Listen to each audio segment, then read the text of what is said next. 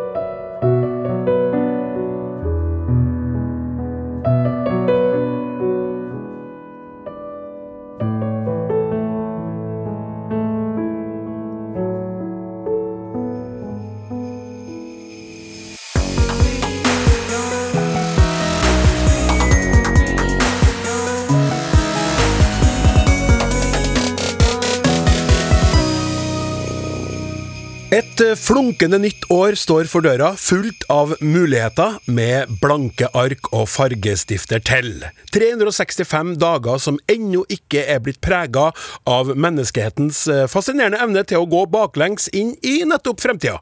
Ikke lære av tidligere feil, ikke greie å forsones, ikke makt å skape fred, fjern fattigdom, redusere klimautslipp eller fokusere på det som faktisk er det viktigste av alt, at man ikke skal plage andre, man skal være grei og snill, og for øvrig kan man gjøre som man vil.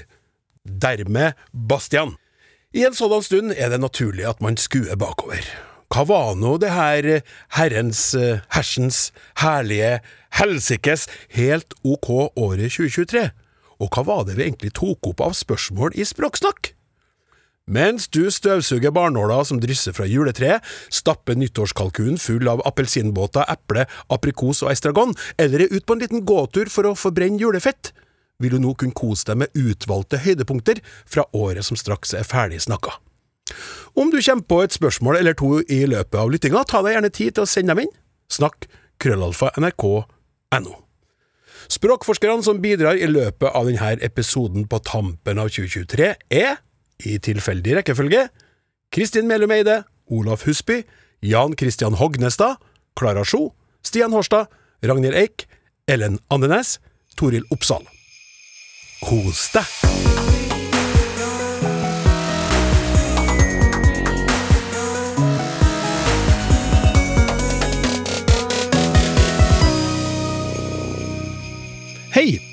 Etter å ha fulgt med på VM på ski i Planica, så lurer jeg på om eh, ordet nordmenn brukes feil når det brukes felles for både kvinner og menn.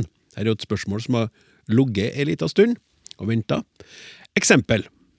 Lørdag gjorde Jarle Riiber et suverent hopp i kombinert, og programlederne forskutterte nærmest gullet etter langrenn senere på dagen.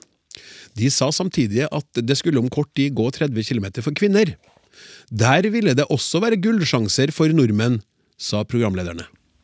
Derfor spør jeg om nordmenn er et kjønnsnøytralt ord. Hvis ja, er dette riktig i 2023?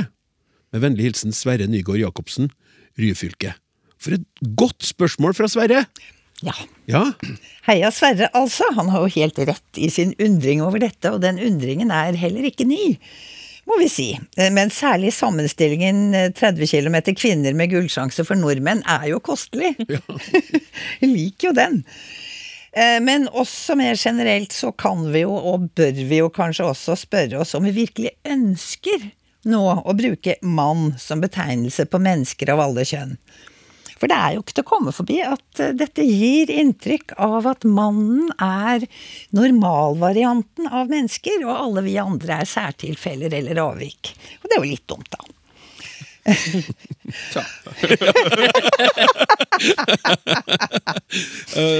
Eh, I gamle dager så betydde mann, eller rettere sagt da mader, som var det norrøne ordet, det betydde i større grad menneske. Og historikeren Grete Auten Blom skrev i en artikkel fra begynnelsen av 90-tallet at middelalderlovene de ble uttrykt i sin tids felleskjønnsterminologi. Mader står overalt, i sin grunnbetydning menneske, og omfatter automatisk personer av begge kjønn, skrev hun. Først i langt senere tid har det i norsk foregått en betydningsinnsnevring av mann til å bli hovedordet for person av det maskuline kjønn. Mm. Hvis det var nødvendig å skille mellom kjønnene eller tydeliggjøre, så tydde de gamle lovmakere til kvennamader og karlmader, forkortet til kvinne-kone og kar, som vi jo kjenner igjen fra veldig mange norske dialekter. Mm. Karfolk og kvinnfolk. Ja. Uh, I dag så oppfatter nok de fleste mange av disse ordene som slutter på mann, som mer eller mindre kjønnsmarkerte. I hvert fall de som betegner yrker eller posisjoner. Og det er jo et område hvor språket er i bevegelse. Vi har skiftet ut en rekke offentlige titler med kjønnsnøytrale betegnelser. Fylkesmann er nå statsforvalter, f.eks. Mm. Og det blir jo helt sikkert flere, altså blir mer av det. Det er ikke så mange som snakker om formann, det er flere som snakker om leder, osv., osv. Men det er jo ikke alltid så enkelt. Det er ikke det. I sjømannslova, f.eks. Der hadde vi permisjonsregler for gravid sjømann. Og det var litt rart. Så, så, regjeringen byttet ut ordet sjømann i loven da, med arbeidstaker på skip. Og døpte om loven til skipsarbeiderloven. Ja. Men arbeidstaker på skip, det er, det er liksom Det er ikke så praktisk. Det er ikke ett ord. Ja, Hva driver du med? Nei, Jeg er arbeidstaker på skip. Ja, ikke sant? Eh, Og alle arbeidstakere på skip på dekk! Ja, ja. Det, det, går ikke. Uh, og altså, Det er ikke like lett å bruke i alle sammenhenger, da. Så det tar ofte litt tid å finne gode avløserord, men det går an. Altså, Vi har holdt på med dette lenge.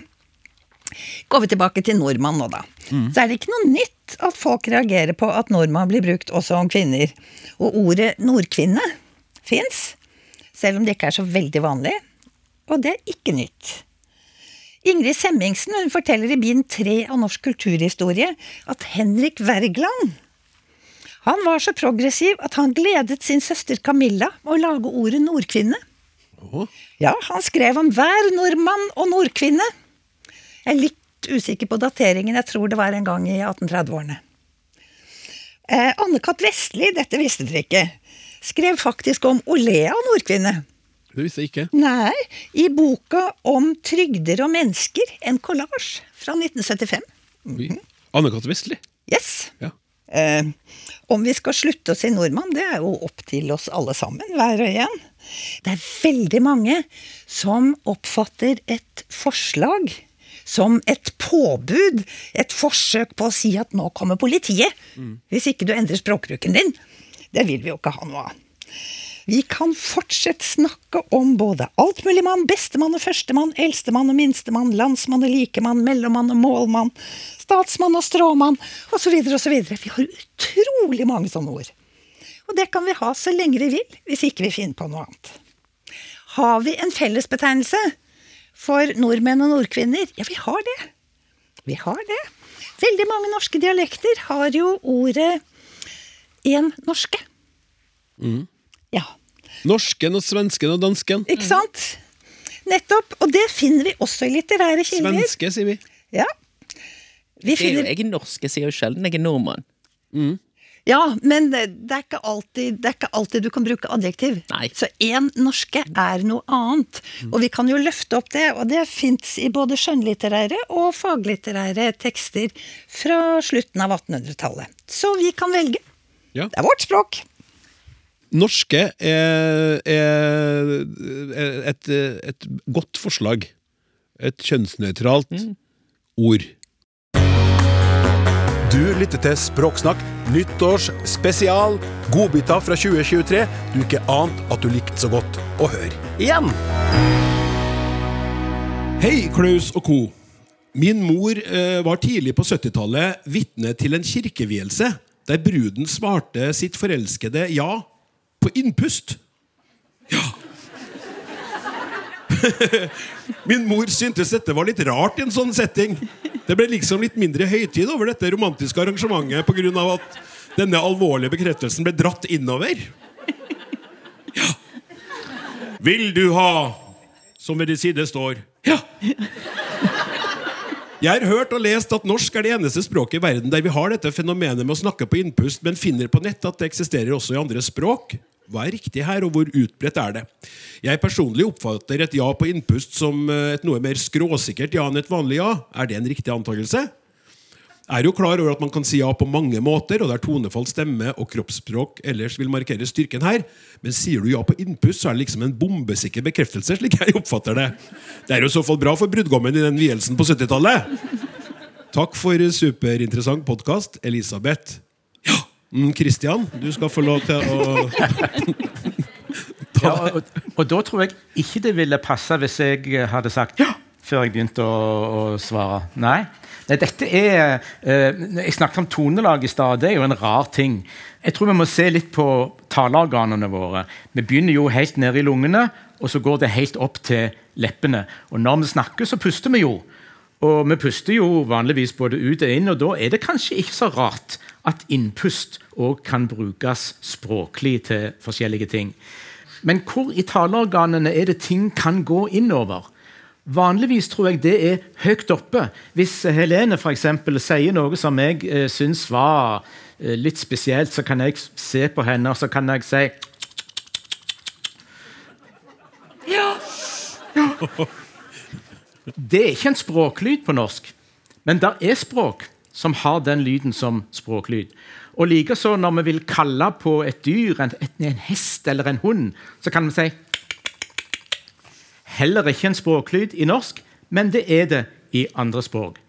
De er sjeldne, de lydene, men kanskje ikke supersjeldne. Men så kan sånn innoverspråk begynne helt nede i lungene. Og det er det det gjør dersom der som eh, lytteren har eh, begynt å undre seg. Og det er ganske sjeldent. Jeg sjekka i ei veldig kjent internasjonal lærebok i fonetikk og forfatteren måtte lete med lys og lykte for å finne eksempler på eh, innoverspråk som begynner helt nede i lungene. Og han fant to. Det var et fenomen i et austronesisk språk som snakkes i det sydlige Taiwan. Austronesisk språk? Ja. Og så var det ja på innpust i norsk. Det var det andre, andre eksempelet. Så dette er eksotisk og veldig uh, artig. Men uh, da lurer jeg på, når vi sier ja på innpust, er det et annet slags ja? Er det noen betydningsforskjell mellom innover-ja og utover-ja? Kan vi ha en, en, en bitte liten dugnad på det? Hva, hva, tror, hva tror, dere? Det er forskjell, ja. ja. ja hvis uh, jeg spør har du fyr, og så er det ja på upust med stemme, det, da får jeg fyr. Hvis det er eh, innpust med stemme, ja, da har han fyr. Men jeg får ikke. Okay. Og hvis det er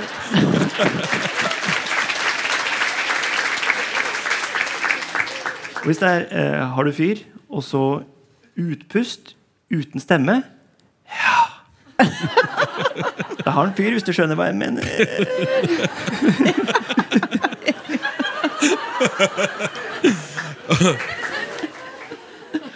Eller har du sånn Har du fyr? Ja.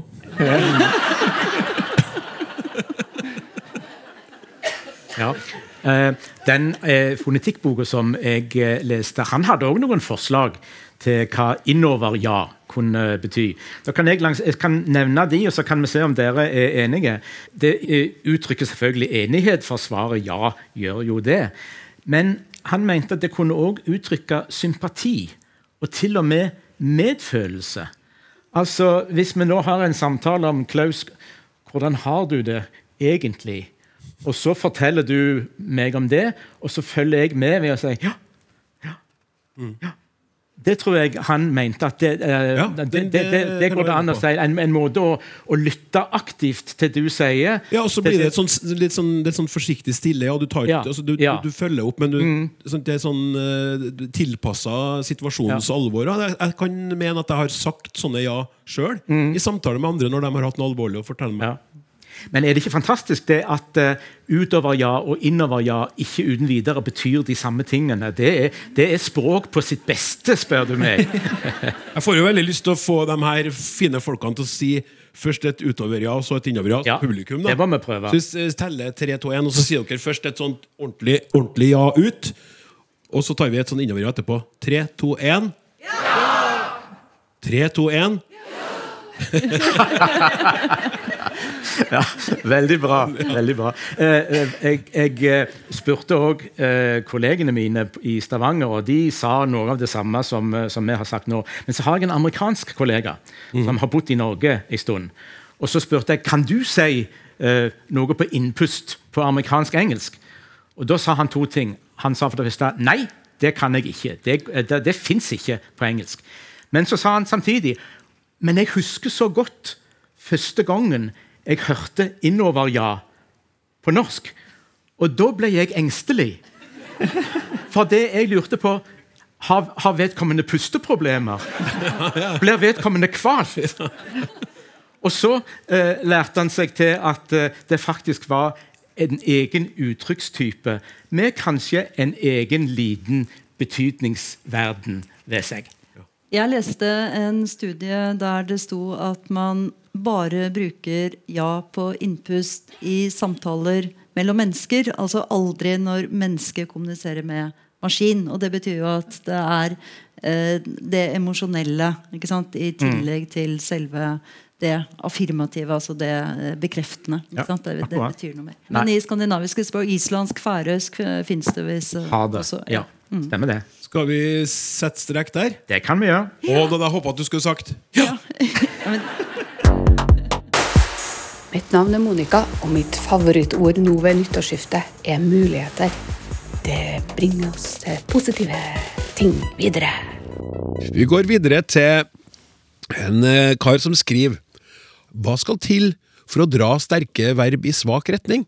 For eksempel, når kan vi regne med å høre at 'jeg vaps deg i går'? Tenker da på det nyere verbet vipse med mulig sterkt bøyningsmønster vipse, vipser, vaps.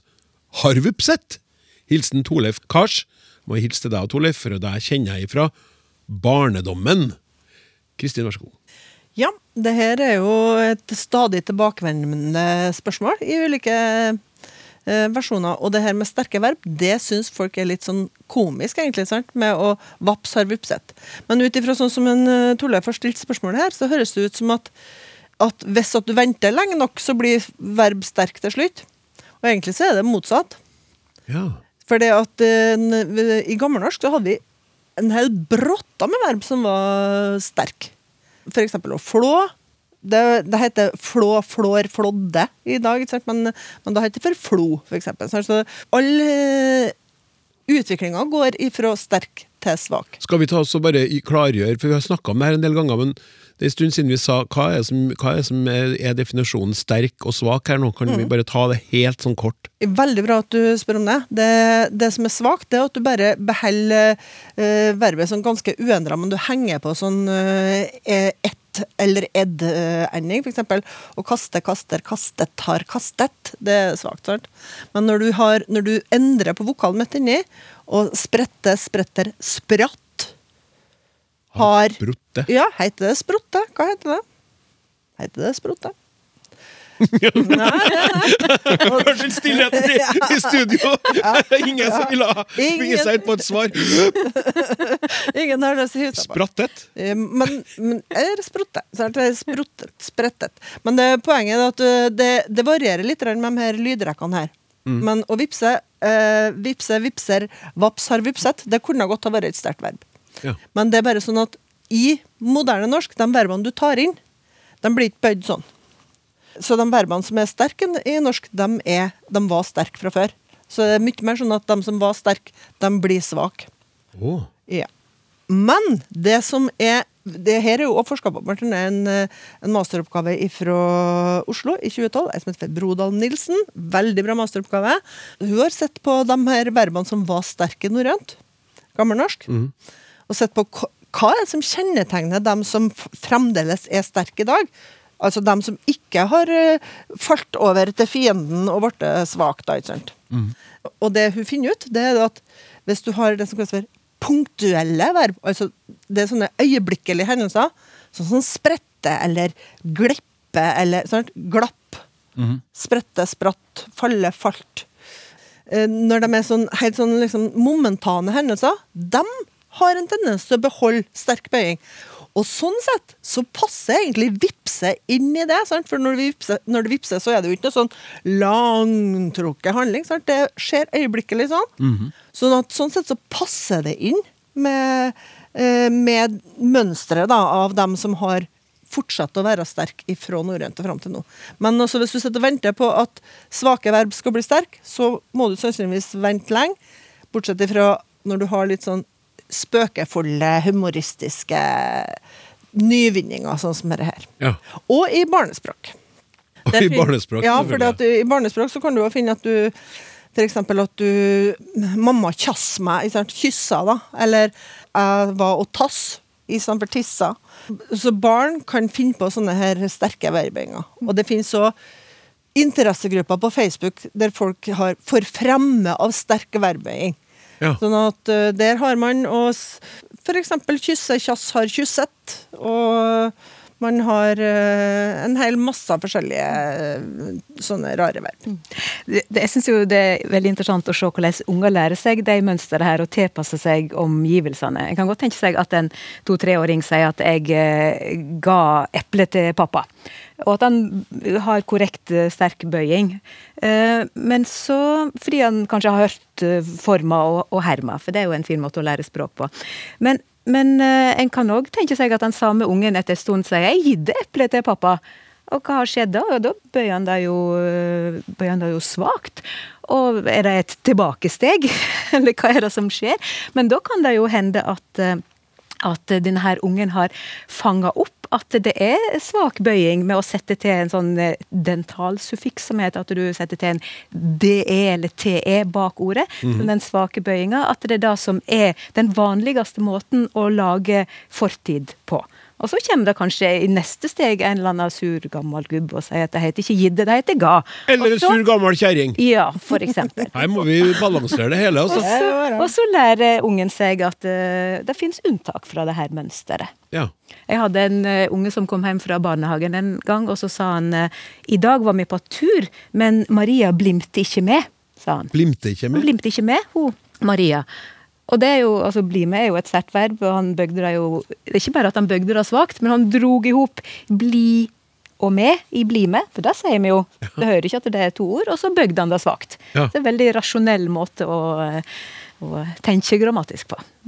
Ja, nesten som et nytt ja, Men hvis han hadde sagt bare Mar Maria Maria. Maria blimter ikke, så hadde han jo egentlig tatt det og flytta den med en. Ja, det Sånn, ja, sånn, ja. greie. Det var et greier. nydelig nytt ord. Ja. Og du kan gjøre det motsatt. At eh, jeg øde ikke laderen. Ja, Ja. Jeg øvde ikke laderen? Jeg øde ikke laderen. Det er jo eh, attestert. Det, da deler man det i stykker i, i, i stedet for å ha det sammen. Så det er det motsatte prosessen. Ja. Men uh, unger gjør mye forskjellig sånt. Og så altså, Utviklinga går ifra det her sterke verbene. Syngen, sang, sungen. Sant? Det er på uh, opptil flere programmer på NRK i gamle dager som handla om sterke Selbststaken waben klingen ja poetisch. Hva er det du holder på med akkurat nå? Det lurer jeg på litt. Det Ja. kanskje inni meg ja, sjøl, men nei, ja, men det er sånn at med det her eh, sterke verbene, de er ehm, har en sånn gammel, tradisjonsaktig følelse, da. Fordi at de hører til gammelnorsk og norrønt. tusen takk skal du ha. Du hører på Språksnakks eh, nyttårsgjennomgang av godbiter fra året som straks er over. Hei, Klaus og dine gode hjelpere. Takk for supert program. Hvorfor sier trønderne samtidig for samtidig og ørdobla for øredobber? Hvor kommer disse l-ene fra? Hilsen innflyttet østlending. Samtidig, samtidig, samtidig har vi vel vært innom jeg jeg. tidligere, Stian, så det hopper vi over. Sier vi til innflytta østlending, det må du sjekke opp. eh, Mm. Gå inn i appen NRK Radio og finn de herlige tidligere utgavene av Språksnakk og kos deg. Men ørdobler, ja. Mm. Det har jeg jo hatt sjøl en gang i tida. Jeg har jo fortsatt tre hull i mine ører. Det var mest ringer, da, men inni- innimellom så kunne jeg ha en ørdobbel der. Ja. i sier si ørdobla, ja. Så jeg er vel trønder nok. Ja. Ja, nei, hvor L-en kommer fra, det er jo ikke, jeg vet ikke om jeg har så klart svar, men jeg kan jo prøve. For det første så vil jeg påstå at det er ikke så trøndersk. Altså Jeg driver og ser litt, så finner jeg at det, det er i bruk mange plasser i landet, fra Setesdalen og til Finnmark. Men det er kanskje mer brukt i trønder, trøndersk. Sånn at det er Vi er best på det. Best på det. Og da finner jeg forskjellige både stave- og skrivemåter som jeg kom på trøkk òg. Sånn at det er f.eks. annonse i Avis i Trøndelag med 'øredobbel mistet søndag kveld'. Det er jo en trist sak, men da skrives det 'øredobbel'. Ja. Men det er både øredoppel og ja, forskjellige uttaleformer. Eh, Men jeg finner også, altså, i- Telemarksavisa så var det f.eks. øredobbel til salgs tidlig på 2000-tall. Ørdobbel? Ørdobbel. Ja, ja. Ja. Og øredoppler i avis fra Rana. Sånn at det fins nok parallelt med øredobb, øredobbe. Ikke tindrende klart hva som har skjedd, men det er i hvert fall ikke helt rykende ferskt. Eh, Det har funtes eh, over flere ja, århundrer og i mange deler av landet. Det som er interessant når jeg driver og graver i det her, så ser jeg at det kommer opp en påstand om at det er barnespråk. Noe som bare unger sier inntil de har lært det som er det egentlige. Det tror jeg heller ikke er helt uh, hold i, da. Sånn at det finnes nok plasser der det her er liksom normalt voksenuttale, men det, det kan hende at det blir gjenkjent som et sånt barnefenomen. Det ser i hvert fall sånn ut ifra diverse nettdiskusjoner. Ja. Men så var det Ellen, da. Hvor kommer den fra? Det, I utgangspunktet så er det jo en helt eh, fin måte å danne ord på, ikke bare i trøndersk, men i norsk, å ha noe som slutter på el. Det har vi i mange ord, med høvel og drøvel og slyngel og rimmel og engel og sånne ting. Sånn at den, den her elementet el til slutt, det er liksom ikke noe sånn uvant. Det er ganske mange ord som har den forma, som er sammensatt, som har ja, hekta på det som man kaller et sånn nominal suffiks, altså en, et element som danner et substantiv. da. Eh, De kan ha forskjellige bakgrunner, og kom både lånt ifra tysk, og de kan være med oss helt ifra norrønt, så det er ikke så tindrende klart hva bakgrunnen er bestandig. Og dermed har oss òg litt forskjellig uttale, for det er jo forskjell på en slyngel og en høvel. Sant? Det ene har du en én L-type, og den andre har du en andre. Og det fins òg talemål i Trøndelag som kaller det en dippill, og ikke en eh, dobbel. Dippill? Dippill. Øredippil, ja. I alle Eh, dager. Det, sånn, Det må jo være helt feil.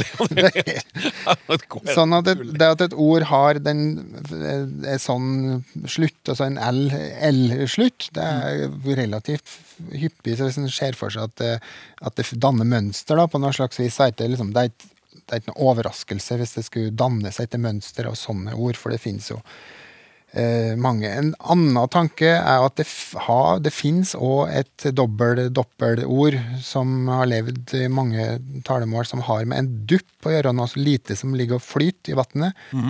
Som, ja, for å markere hvor eh, lina Altså, det er ofte da i, i sånn, og det er òg brukt som en sånn markør på, på ting.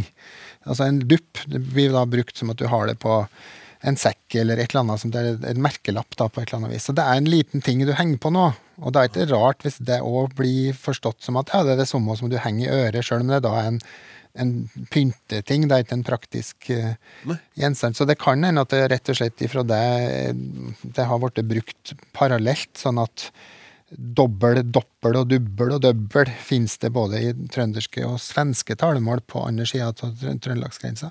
Ja. Om denne lille dingsen som er da et sånn flyte, oftest av tre, da naturligvis, som skal flyte og markere. Og så er det da ja, som en slags treskilt som er hengt på ting.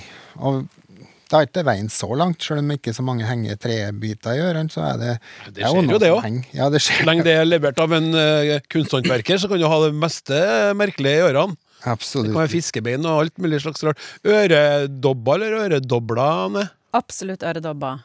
Øredobba, ja. Ja, jeg, aldri, jeg har egentlig aldri hørt det der med øredobla. Det er ikke noe kjent for meg i det hele tatt. Nei, men det snak, Sier du det med litt sånn heva nese nå? Det virker litt sånn aldri Nei, det var mer bare Det var, det var nytt for meg. Så syns jeg når Stian begynte å komme på alle de her variantene, så var jeg jo litt sånn trønder, av de gjør noe mye rart. Men det er selvfølgelig helt i orden.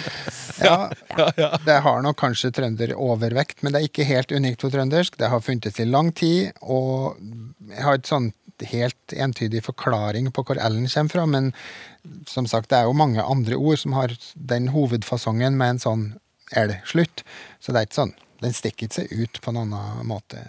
Nei. Så hvis man sier det, så er man litt Istedenfor at vi sier barnslig, da, men litt barnlig, da. Man sier dobla. Det? Kan jo godt være. Det gjør jo ingenting i så fall. Det samme som når jeg går eh, på bakeriet og sier jeg skal ha en scone. Sier jeg veldig tydelig og kikker rundt meg sånn at alle skal få med seg at det ikke er en scones, som jeg mener. Er ingen som tar det, tar det, vet du. Ja. Det var en avsporing, men eh, takk skal du ha, Stian. Vi går videre til noe helt annet, som vi jo elsker å gjøre i det her programmet. Hei, Språksnakk! Jeg har lagt merke til at begrepet 'å miste det' har begynt å snike seg inn i språket. For eksempel i en fersk artikkel i Stavanger Aftenblad. Og så står det i den eh, saken at en fotballspiller mista det helt. Jeg skal lese litt. Det er vanskelig å beskrive det som skjedde. Det ble en slags ute av deg selv-opplevelse. Jeg mistet det helt, rett og slett. Foran våre egne fans. Et av de beste øyeblikkene mine på veldig lang tid, sier Kristoffer Løkberg til Aftenbladet, Stavanger Aftenblad. da. Man kan jo lure på hva han har mistet, skriver lytteren. Er det ballen? Eller vannflasken? Jeg lurer på om dette må være en, hold dere fast, påvirkning fra engelsk, hvor man kan si I lost it, med betydningen jeg gikk fra forstanden. Men vi kan vel ikke si jeg mistet det i en slik sammenheng på norsk? Å miste det betyr vel at noe er forsvunnet på norsk. Med beste hilsen Henrik Torkveen. Amme, det her er jo litt sånn oppi din allé. Det er oppi din allé. Ja. Det var i hvert fall ikke et, uttrykk som kom fra engelsk. Nei. My alley eh, i det hele tatt. Så ja, nei, absolutt. Ehm, ja, nei ehm, Kortversjonen er nok at ja da, jeg tror det her kommer fra engelsk. Det ser i hvert fall ut til å være det man antar. Eh, og ganske riktig, på engelsk så er det jo helt vanlig å si I lost it, i denne betydninga. Eh, som jeg nok tror er et forholdsvis litt nyere uttrykk på engelsk også, uten at jeg vet noe sånn nøyaktig om hvor nytt det er. Men, men det, det er jo underforstått eh, en, hva, hva it refererer til på engelsk, så du kan si I lost my temper, I lost control, I lost my composure. My self-control, I lost my self-control. Ja, se der. Eh, og hvis man da Nå ber jeg på forhånd om unnskyldning for bannskap. Man kan også si I lost my shit. Um, som betyr eh, av hele Jeg klikka. Ja. Eller eh, som han sier, gikk fra forstanden. Ja. Eh, og så kan du da bare kortfatte det til it. Mm. Whatever it is. Um, det, og, og dermed så er det helt naturlig å tenke at det har vi henta inn fra engelsk, men det er jo ikke noe spesielt holdepunkt for å si at vi ikke skal kunne bruke det på norsk, eller at det skal bety noe helt annet på norsk. For vi har jo akkurat de samme uttrykkene på norsk. Vi mister kontrollen, vi mister besinnelsen, vi mister eller taper fatninga, som også betyr å gå fra forstanden. Eh, Så der bruker vi jo da miste i akkurat samme betydning som engelsk bruker lus. Og det er jo, som innskriveren sier, noe som har forsvunnet. Fatninga, bestin- besinnelsen, mm. shit. Um, så, så det er ingen grunn til at ikke det skulle fungere like godt på norsk.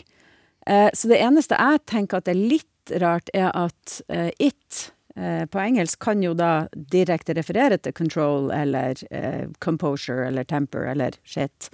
Det er jo det pro- pronomenet som vil erstatte de her substantivene. Mens det kan jo ikke erstatte fatninga eller kontrollen, for det er intetkjønn, og fatning og kontroll er hannkjønn.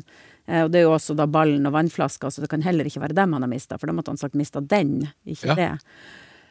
Men det er jo et sånn ord på norsk som kan bety veldig mye vagt. Eh, altså Vi bruker det pronomenet når vi ikke helt vet hva vi refererer til. Hvis man slår opp i Norsk Akademis ordbok på det, så får man altså side opp og side ned på hva du egentlig kan bruke det til. Um, og blant annet så, uh, så, har de en sånn beskrivelse av at, at um, det kan være objekt i mange mer eller mindre faste uttrykk, og der nevner de da han har gjort det godt, vi får ikke ta det så nøye. Man driver det langt. I alle de her så er det ikke noe klart hva er det. Mm. Eh, og vi har jo ett uttrykk, gammelt, godt norsk uttrykk som er veldig likt å miste det, nemlig å komme ut av det. Jeg kom helt ja. ut av det. Ja, ja, Hva er det du kom ut av, da? Ja. Det er jo ingen som vet. Jeg mista det. Ja, Så hvorfor du ikke skulle kunne miste det akkurat like godt, mm. det vet jeg ikke. Så konklusjonen min er ja, jeg tror nok det kommer akkurat jeg mista det, kommer nok kanskje fra engelsk.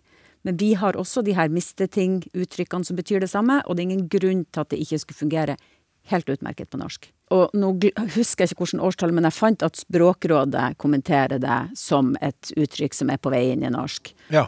Eh, men nå husker jeg ikke hvor lenge det er Det er ikke nødvendigvis kjempegammelt, da. Nei, det er det nok så, ikke. Så Henrik er på sporet av noe når ja, sier så, det. Og, og det er vel det som er grunnen min til å tenke at selv om som sagt det kunne vært helt logisk at vi fant på det på egen hånd på norsk. Vi hadde ikke trengt engelsk til å finne på det, egentlig. Nei. Eh, men grunnen til at jeg sier at det kanskje er engelsk, er nettopp det at jeg oppfatter det nok som, og Språkrådet oppfatter det som det kommer litt etter at det er vanlig på engelsk. Ja. At det er litt nytt og har begynt å snike seg litt inn. Det, det tror jeg på. Ja. Um, og, så, så, jeg tror det har snekket seg inn fra engelsk, og det ser jeg ingen grunn til at det ikke skulle gjøre. Det er veldig nærliggende at det skulle gjøre det. Ja. Det passer helt fint inn i norsk. Takk skal du ha. Jeg heter Dorthea, og mitt favorittjuleord er sirupsnepp. Og det er et godt småbrød. Hei! Vi kan si både én og ei jente, men hvorfor kan vi ikke si både én og ei gutt? Lurer sjetteklasseelevene, Ragnhild. Mm. Ja, veldig fint spørsmål. Ja, artig. Um, og det spørsmålet fra sjetteklassingene, det handler jo om da genus på substantiv, eller det vi også kaller grammatisk kjønn på substantiv. Så substantiv i norsk er delt inn i ulike grupper, for om de tar én eller ei eller ett. Så tradisjonelt så vil vi si én sko, ei tann, ett hus. Eller én gutt, ei jente, ett barn. Vi kaller dette hankjønn, intetkjønn og hokjønn, sjøl om det ikke nødvendigvis er så direkte sammenheng mellom det vi snakker om i kjønn i språk, og når vi snakker om kjønn i virkeligheten. Det er noe overlapp mellom kjønn i språk og kjønn ute i verden, men det er ikke et veldig direkte overlapp. Det kan vi komme tilbake til. Ok. Um, og så legger sjetteklassen merke til at tradisjonelle hokjønnsord, sånn som jente og tann, da kan vi bruke både en og ei, mens med tradisjonelle hankjønnsord, sånn som gutt eller sko, der må vi bare bruke én. Og spørsmålet er hvorfor.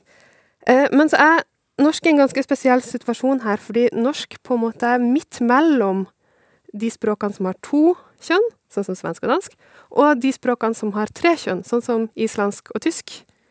Og det er dette som gjør at vi får denne vekslinga med hokjønnsord.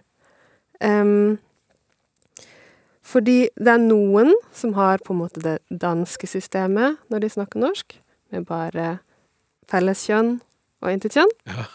Eh, og så er det noen som har det tradisjonelle norske systemet med tre kjønn. Hankjønn, intetkjønn og hokjønn. Eh, og også i, i skriftspråket er det variasjon, så nynorsk har tre kjønn. Bokmål kan velge mellom to kjønn og tre kjønn. Og så er det artig da at disse sjetteklassingene syns at vi kan bruke både én jente og ei jente. Um, for vi vet at flere og flere unge går over til å si bare én jente og én tann. Det blir mindre og mindre vanlig blant unge å si ei jente og ei tann. Fordi norsk nå er i en språkendringsprosess der vi går fra et system som ligner mer på tysk og islandsk, til et system som ligner mer på svensk og dansk. Jeg trodde du skulle si engelsk, For alt er jo, jo anglifisering. Nei, her er vi ganske langt unna det engelske systemet. Så det er ikke det som skjer. Nei. Og det er faktisk forska på akkurat dette fenomenet i Trondheim. I en artikkel som kom ut i 2020, så fant man ut at f.eks. blant 12- og 13-åringer så brukte man ei foran ord som jente og tann i 11% av tilfellene, og ellers så brukte man én, og foretrakk å si én jente og én tann. Mens blant voksne så var det mye større andel av ei. sant? Ja, det er sant, ja. Det tror jeg er veldig sant, faktisk. Ja. Og det her er jo, det, den gjengen her fra Hansbakken skole, de er jo der. Ja, ikke sant? Tolv Så de er akkurat midt inne i denne endringsprosessen Mhm. mellom å bruke ei foran ord som jente og tann, og å bruke én foran ord som jente og tann. Men, men, men de spør jo også om en og ei gutt her, da. Ja. Det, prøver du nå å være en sånn politiker, språkpolitiker, som egentlig skal unngå å svare på det elevene egentlig spør om, ved å svare veldig spennende og godt og grundig om det andre som de ikke spør om? Veldig bra at du hanka meg inn der. Ja. Eh, jeg skal prøve å svare på det også. Så vanligvis er det sånn at eh, et substantiv hører til bare ei gruppe. Så enten er du et tokjønnsord, eller så er du et hannkjønnsord, eller så er du et intetkjønnsord. Eh, sånn at eh, vanligvis så, så kan vi ikke veksle mellom én og ei. Så gutt vil alltid være et hannkjønnsord. Um, og derfor kan vi ikke si ei gutt. Um, det har på en måte en fast plass i systemet. Og historisk sett så handler dette noe om betydninga, sant? At eh, gutt typisk viser til hannkjønnsindivid, eh, og derfor typisk har fått hannkjønnsartikkel. Så det at vi kan ha veksling eh, med hokjønnsord, sånn som jente, det er det som er spesielt og uvanlig. Så hvorfor kan vi ikke si ei gutt? Nei, fordi sånn er det bare, kan vi si. Eh, et ord hører bare til én kategori vanligvis, og så er jente rart fordi vi er midt inne i ei språkendring som påvirker hokjønnsordene. Ja. Det er vi som språkbrukere som eier språket, eh, og vi kan utnytte det til å uttrykke det vi vil. Eh, så hvis vi ønsker å uttrykke ei gutt, så er det selvfølgelig det vi gjør. Eh, så det, det vil jeg oppmuntre til, hvis noen eh, Ja. føler for å bruke språket kreativt på den måten. Eh, helt klart. Ja, Jan Kristian? Ja, em, jeg lurer litt på em, Jeg har alltid vært litt misfornøyd med det begrepet kjønn i grammatikken.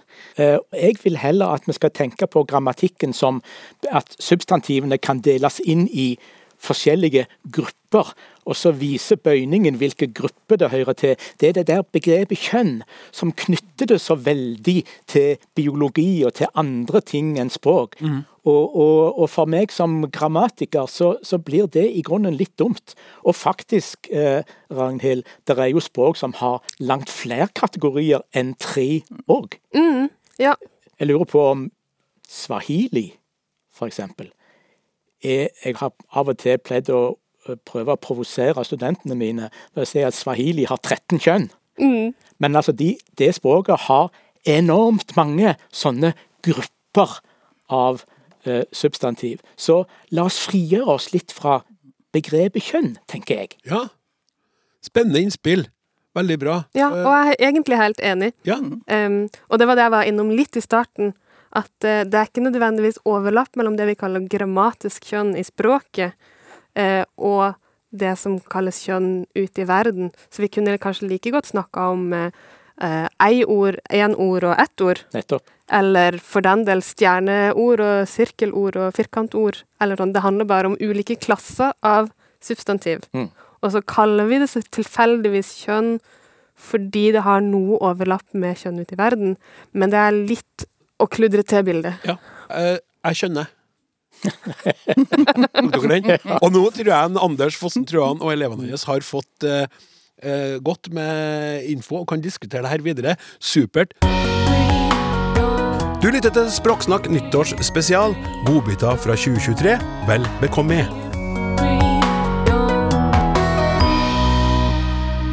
Nå er det en lytter som spør Hvem bestemte i sin tid at mor og far skulle hete mamma og pappa? Jeg har siste året sett flere engelske, danske og tyske serier, filmer, på blant annet NRK TV, hvor der brukes mother, far, fata osv. på originalspråket, og hvor dette som oftest tekstes med mamma og pappa. Hvem bestemmer at det på norsk ikke skal hete mor og far? Det passer seg vel ikke når macho menn med skjeggvekst og det hele sier 'jeg skal spørre mamma'? Eller når Norges, Norges statsminister i nyttårstalen omtaler mødre og fedre som mammaer og pappaer? Hvorfor ikke morer og farer? Ja, Olaf, hva du tenker Det er jo både to spørsmål. Det ene er jo knytta til eh, oversettelse, ikke sant? Og, og, kanskje litt med den konteksten som den oversettelsen skjer i. Og jeg vil jo tro at hvis det er eh, kanskje program der det er unger som, som, snakker, så for min del så vil jeg kanskje lettere gripe til, til ordene mamma og pappa, da, enn når det er voksne som snakker om sine foreldre. og og da vil jeg kanskje heller bruke mor og far. Men tilbake til han vennen min som, som jeg var sykla med. Han er 80. Mora hans levde til over 100, og han kaller for henne mamma. Ja. ja.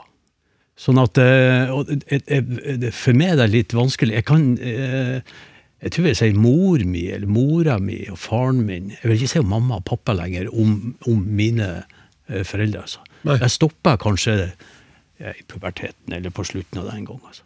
Ja. Men så er det jo de her ordene her. altså Hvem er det som har bestemt hvorfor det skal hete mamma og pappa. Det er jo et, et annet spørsmål òg, ikke sant. Hvor kommer de her ordene ifra? Mm.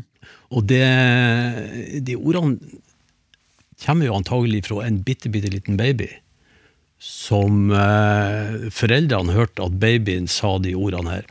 Og så tok det som en slags tiltale, en merkelapp på seg, og så begynte de å bruke det. da. Så vi sier jo eh, ikke sant, 'kom til mamma', 'kom til pappa'. ikke sant? Mm. Og, og, eh, Jeg husker ikke om vi tok det opp på fonetikkskolen. Vi, vi snakka om det i fonetikkskolen, vet du. Ja, ja, at du, at du, Hvis du tenker at du får det her brøstet i munnen når du lager en sånn a-lyd, så får du sånn mamma. Ja. Eller ba-ba. Ja. Nå bruker jeg håndbaken, ikke sant? Ja. for å illudere det. Sånn at ordene her er jo antagelig kjempegamle, og vi, vi ser det jo De går igjen i massevis av språk. Mm. Så Enten bare med én stavelse eller, eller to stavelser. Mm. Eller at stavelsen blir gjentatt. da. Eh, Det er en ting som slår meg nå eh, mens du snakker om det her, og det er også det at eh, eh, den her innsenderen skriver jo eh, at det tekstes, tekstes med mamma og pappa, sånn at kanskje oversetter tekster skulle ha vært litt mer lyder for hva den personen, skuespilleren, i serien, filmen, på TV faktisk sier. For de kan jo også si dad og papa og mam og ma jeg vet ikke, søren, masse forskjellige varianter, sånn at man kanskje skulle ha nyansert på den måten. Jeg vet ikke hva dere to andre her tenker om det. Ja, nei, jeg tror det er helt riktig som Olaf sier, at dette handler noe om stilnivå og nærhet og alder og situasjon. Og jeg kan jo for meg sjøl si at jeg snakka alltid om mamma, eh, men jeg ville omtale henne som moren min. Eh, Og der er det også en, en nyanseforskjell, nettopp fordi du da skaper avstand. Eh, Så, så, så mamma og pappa eh, er på sett og vis det som ligger nærmest. nærmest. Men når jeg snakker om rollen eller relasjonen, så er det moren og faren. Ja. Eller mora. Men jeg lurer, ja. Men du, ja, jeg lurer på om det òg har Jeg har det sånn som deg, Toril, at jeg ville ha sagt mamma til, men uh, mora mi om, tror jeg. Men jeg har en følelse at det kanskje også har skjedd en liten generasjonsskyvning her, og at det her er i bevegelse. sånn at det, blitt den, det uttrykket mamma og pappaen min har blitt altså nærma seg eh, morfar, da, for å si det på en litt krøkkete måte. At det ikke oppfattes så nært lenger. Um, har, jeg, jeg, Jeg tror det samme. Jeg har alltid sagt det. mamma og pappa, men jeg også, noen, jeg har ikke hørt så mange som sier mor og far. Det er jo noen som har det litt sånn dialektisk òg. Sånn, Ja, for jeg tror det også mm, For mor og han far, ikke sant. Altså, det, det er så nært som mamma og pappa. Jeg kjenner folk som sier mor og far der jeg ville ha sagt mamma og pappa. Ja, eh, også til dem. Eller, mm, Mm. Eh, ikke bare mora mi, men ja. Også i tiltale mor. Og jeg tror, at det, jeg tror det er vanligere i enkelte har, eller har vært vanligere i noen plasser i landet. Mm. Eh, Innlandet, eksempel, tror jeg det har vært vanligere enn eh, i andre plasser. Eh, og jeg tror for dem så er jo det den nærhetsfølelsen. Det tror jeg vi skal stille noen spørsmål ved. Den oppfattes ikke noe mindre nært for dem med mor og far. Det handler ikke om det. Ja, Det kommer jo helt fra forskjellige historiske plasser. også, Ja. Mamma og pappa, sånn som du var inne på, er jo et mer sånn hva skal jeg lydmalende Ja, ja, ja. ord. Mer sånn barnespråksaktig lydord, mens mor og far har mer ja, Du kan gå til norrønt eksempel og si mor er knytta til mod, eh, modir, knytta til latin matrix, som handler om opphav. Mm. Vi har jo moderen og faderen òg, som er sånn begrep som vi kan bruke på foreldrene. Ja, og morsan og farsan. Og Ja, morsan og farsan ja. Mutter og fatter. Ja. Ja.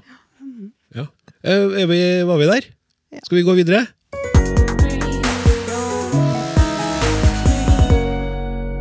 Jeg jobber som norsklærer i ungdomsskolen, og har dermed fått i oppdrag å lære ungdommen, ungdommene å skrive på to forskjellige måter.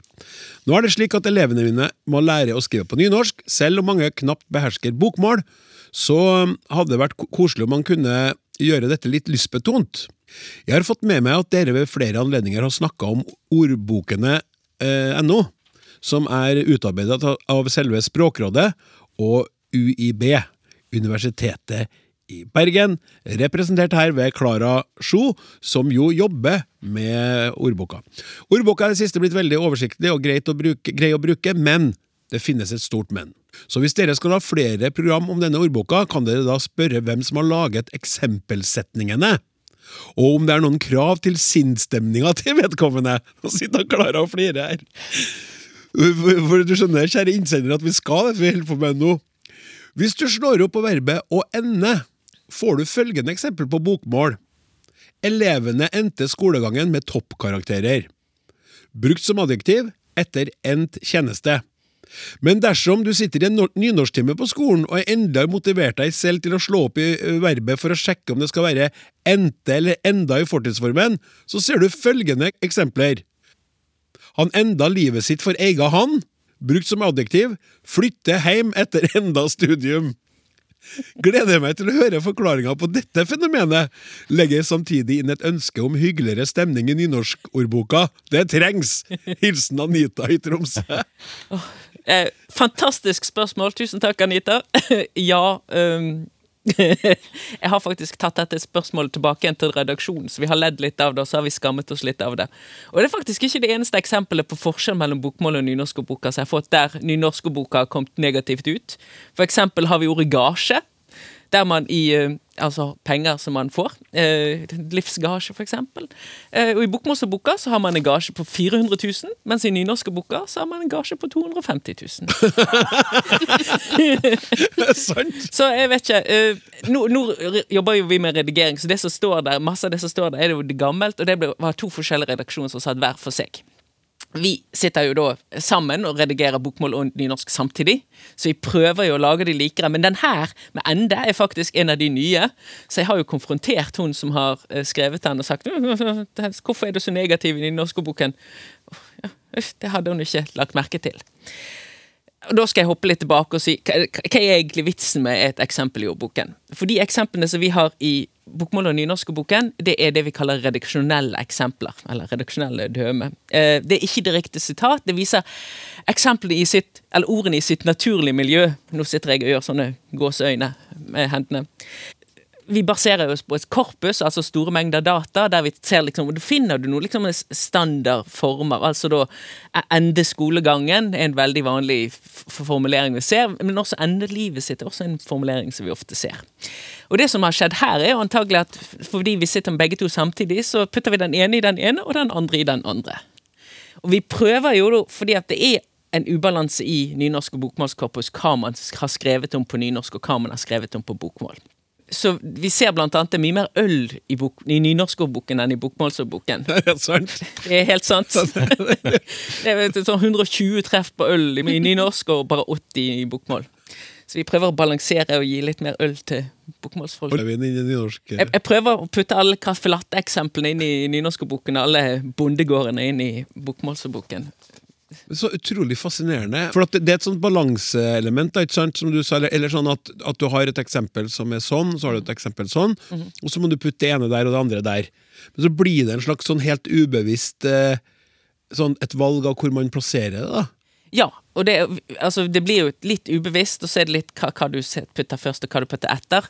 Så det, det er litt ubevisst. Jeg har notert og sagt at vi må være mer positive i nynorskboken. Det syns jeg jo faktisk er helt sant. En annen sånn ubalanse som vi har, det er jo det at i korpsdøret, tradisjonelt, alt som har blitt skrevet, der har man ordet han ca. dobbelt så mye som hun. Så det, det å faktisk da skrive oftere hun Hva gjorde hun for noe, da? Hun var på radioen. Hun flytta hjem etter enda studium. Ja. Ja. Det er en sånn her bevissthet at du må, du må ha en han og en hun. Mm. Men det vi ofte da ender opp med å gjøre, putte han i bokmålsordboka, hun i nynorsk, eller hun i nynorskordboka. Så det er bare sånn Nei, bytte om. Hva ja. gjorde vi sist? Og så sitter vi der og husker ikke helt hva vi gjorde. Vil hen òg komme inn der, tror du? Hen står som eh, ord, oppslagsord i ordboken. Det er ekstra skrevet. Uh, ikke si noe. Uh, men eh, vi, vil, vi, bruker det ikke som eksempel foreløpig, fordi at vi venter på at det skal komme litt mer i bruk i språket. For det som sagt, vi baserer oss på det som er skrevet. Jeg må bare få si én ting til om sånne døme, fordi at vi har bare døme eksempler som vi lager sjøl. Hvis du ser på de to store norske ordbøkene, altså Norsk ordbok på nynorsk og uh, NAOB, Norsk akademisk ordbok, så har de både sånne redaksjonelle eksempler, der de da viser det typiske selskapet til et ord, og så har de direkte sitater. Og der står det ofte hvor sitatet er fra. Så det er liksom den utvidede versjonen av dette for å se hvordan det ser ut i virkeligheten, og ikke bare i hodet til en leksikograf. Fordi at det har blitt silt gjennom hodet til en leksikograf, og vi er litt unormale av og til. Men vi, altså, som sagt, jeg har tatt det med tilbake, og vi vil jo også gjerne gjøre ordbøkene bedre og gladere, ikke minst. Ja. Så ja. Så er litt, litt sånn godt da, å bli sett på den måten. En, en flott observasjon, en ja. viktig observasjon. Ja, altså vi er veldig glad for alle tilbakemeldinger vi får, fordi at det er da vi ser at det vi, vi ser at det er en endring. De, de ser altså folket ser at det er en endring i ordbøkene, og det setter vi stor pris på. For det er jo noe Det er ikke så lett å tenke på at det er noen som sitter og skriver de der ordbøkene. Da er vi her igjen, da. Ved veis ende. Ved veis ende for en episode, og for et år. Tusen takk for at du har fulgt oss gjennom 2023. Jeg håper virkelig du blir med videre. Takk til alle våre fantastisk fine språkforskere. Takk også til teknikerne Martin Våge og Morten Lyn og ikke minst produsentene Hilde Håbjørg, Randi Lillealteren og Jørgen Aune Hagen. Jeg heter Klaus Sonstad og ønsker deg alt det beste for det nye året. Vi snakkes!